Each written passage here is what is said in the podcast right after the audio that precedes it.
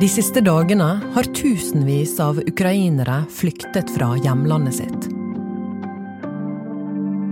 De fleste som flykter, er kvinner og barn.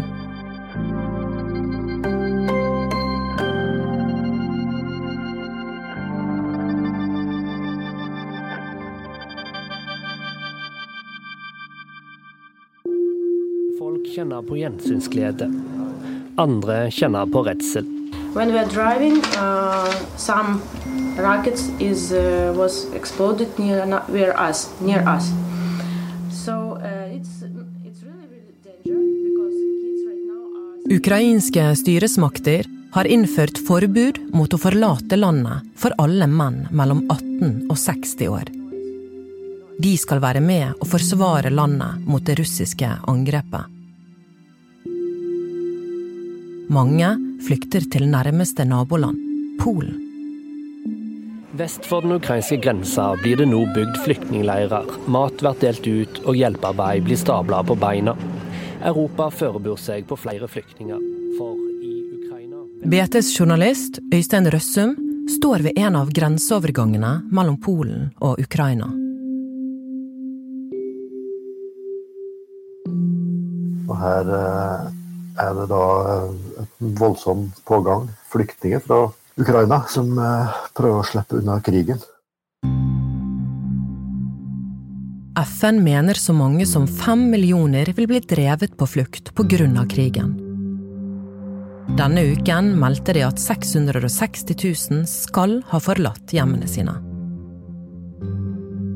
Med den hastigheten ser situasjonen ut til å bli Europas største flyktningkrise i dette århundret.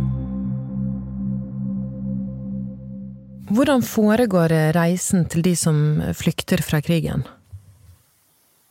Det varierer jo litt, da. Summe greier å komme seg på eh, toget, mens de fleste prøver å ta seg fram med bil eller drosje eller buss langs med landeveien. Problemet der er jo da at det er helt enorm kø på eh, ukrainsk side av grensa. Så da eh, er det enten å sitte i bilen i dagevis, eller det går an å ta beina fatt og gå. Jeg har pratet med folk som har gått i tre miler. Og det er jo eh, kaldt her nå. Minusgrader eh, på natta. Og eh, det er jo på dagen, i hvert fall eh, nå.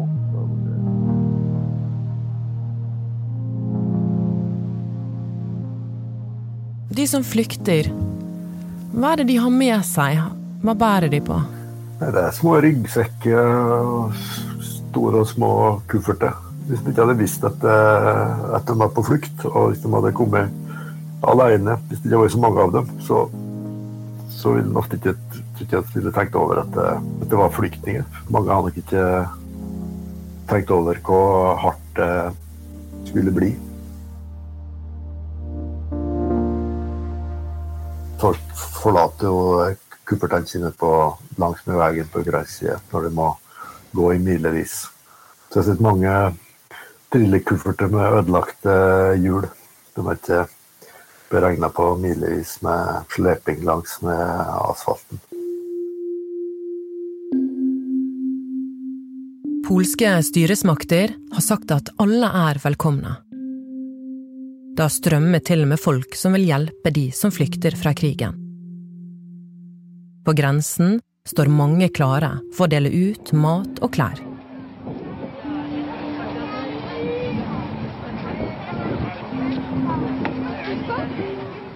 Øystein forteller at folk står med skilt hvor det står at de tilbyr gratis transport, og at de vil kjøre de der de vil. Er det noen du har møtt som har gjort inntrykk på deg? Ja, det er jo mange. I går var det ei dame som eh, heter Oksana, som var helt fortvila. Rett før krigen begynte, så hadde hun eh, reist til Bestor for å besøke familien sin. Og barnet hennes, en eh, seks måneder gammel eh, baby som heter Jegor, var igjen hjemme sammen med far sin. Og eh, heimbyen, da, der denne ungen og mannen hennes var, der har det vært voldsomt harde kamper. Så nå hadde hun da kommet seg over grensa, mens eh, mennene og eh, ungen sto fast på denne grenseovergangen.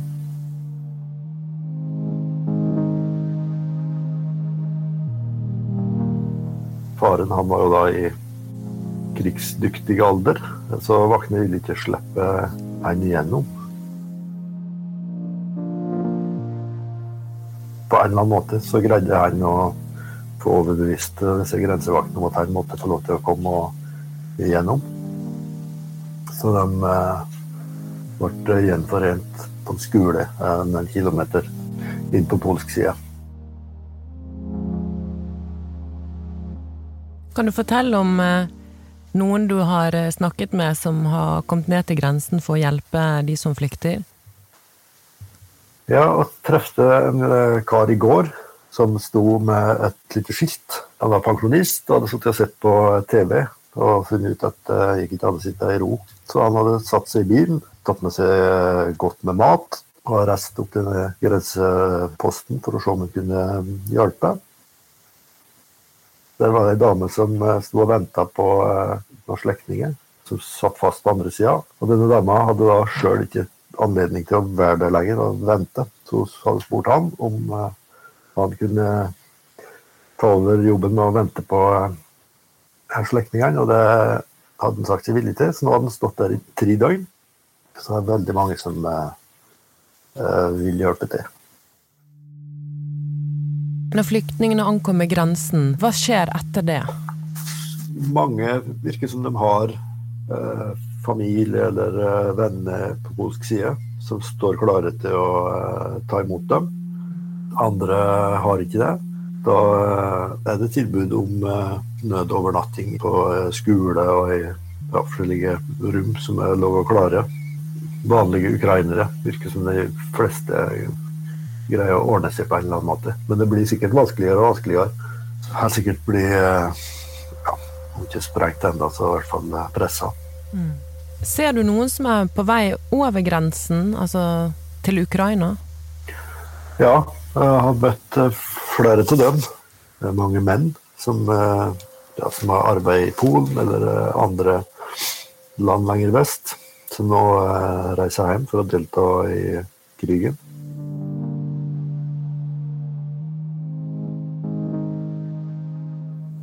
Men òg kvinner som reiser østover. Jeg møtte ei på en jernbanestasjon som hadde ei gammel mor hjemme i Ukraina. Og det var broren hennes som vanligvis tok seg av henne, men nå var broren uh, kalla ut til forsvarsinnsats. Hvordan opplever du situasjonen på de ulike grensekontrollene du har vært på? Nei, det virker, det virker som det blir mer og mer eh, organisert, og det er kanskje ikke så overraskende. Når oss eh, kommer rett før helga, så da var det enormt med biler her i Medyka. Temmelig kaotisk eh, og lite hjelp å få for dem som kom over. Nå er det politi på plass, helsepersonell på plass, og det er satt opp eh, telt der du får eh, varm mat og drikke, og det kommer opp toalett. Og, så det blir jo mer og mer eh, velorganisert. Samtidig så virker det ikke som om pågangen av flyktninger viker på. Og det er jo heller ikke så rart når du vet hva som foregår inne i Ukraina.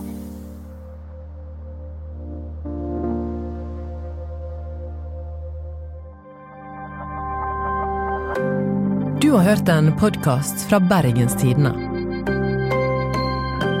Denne episoden er laget av Anna Offstad, Henrik Svanevik og meg, Anna Magnus.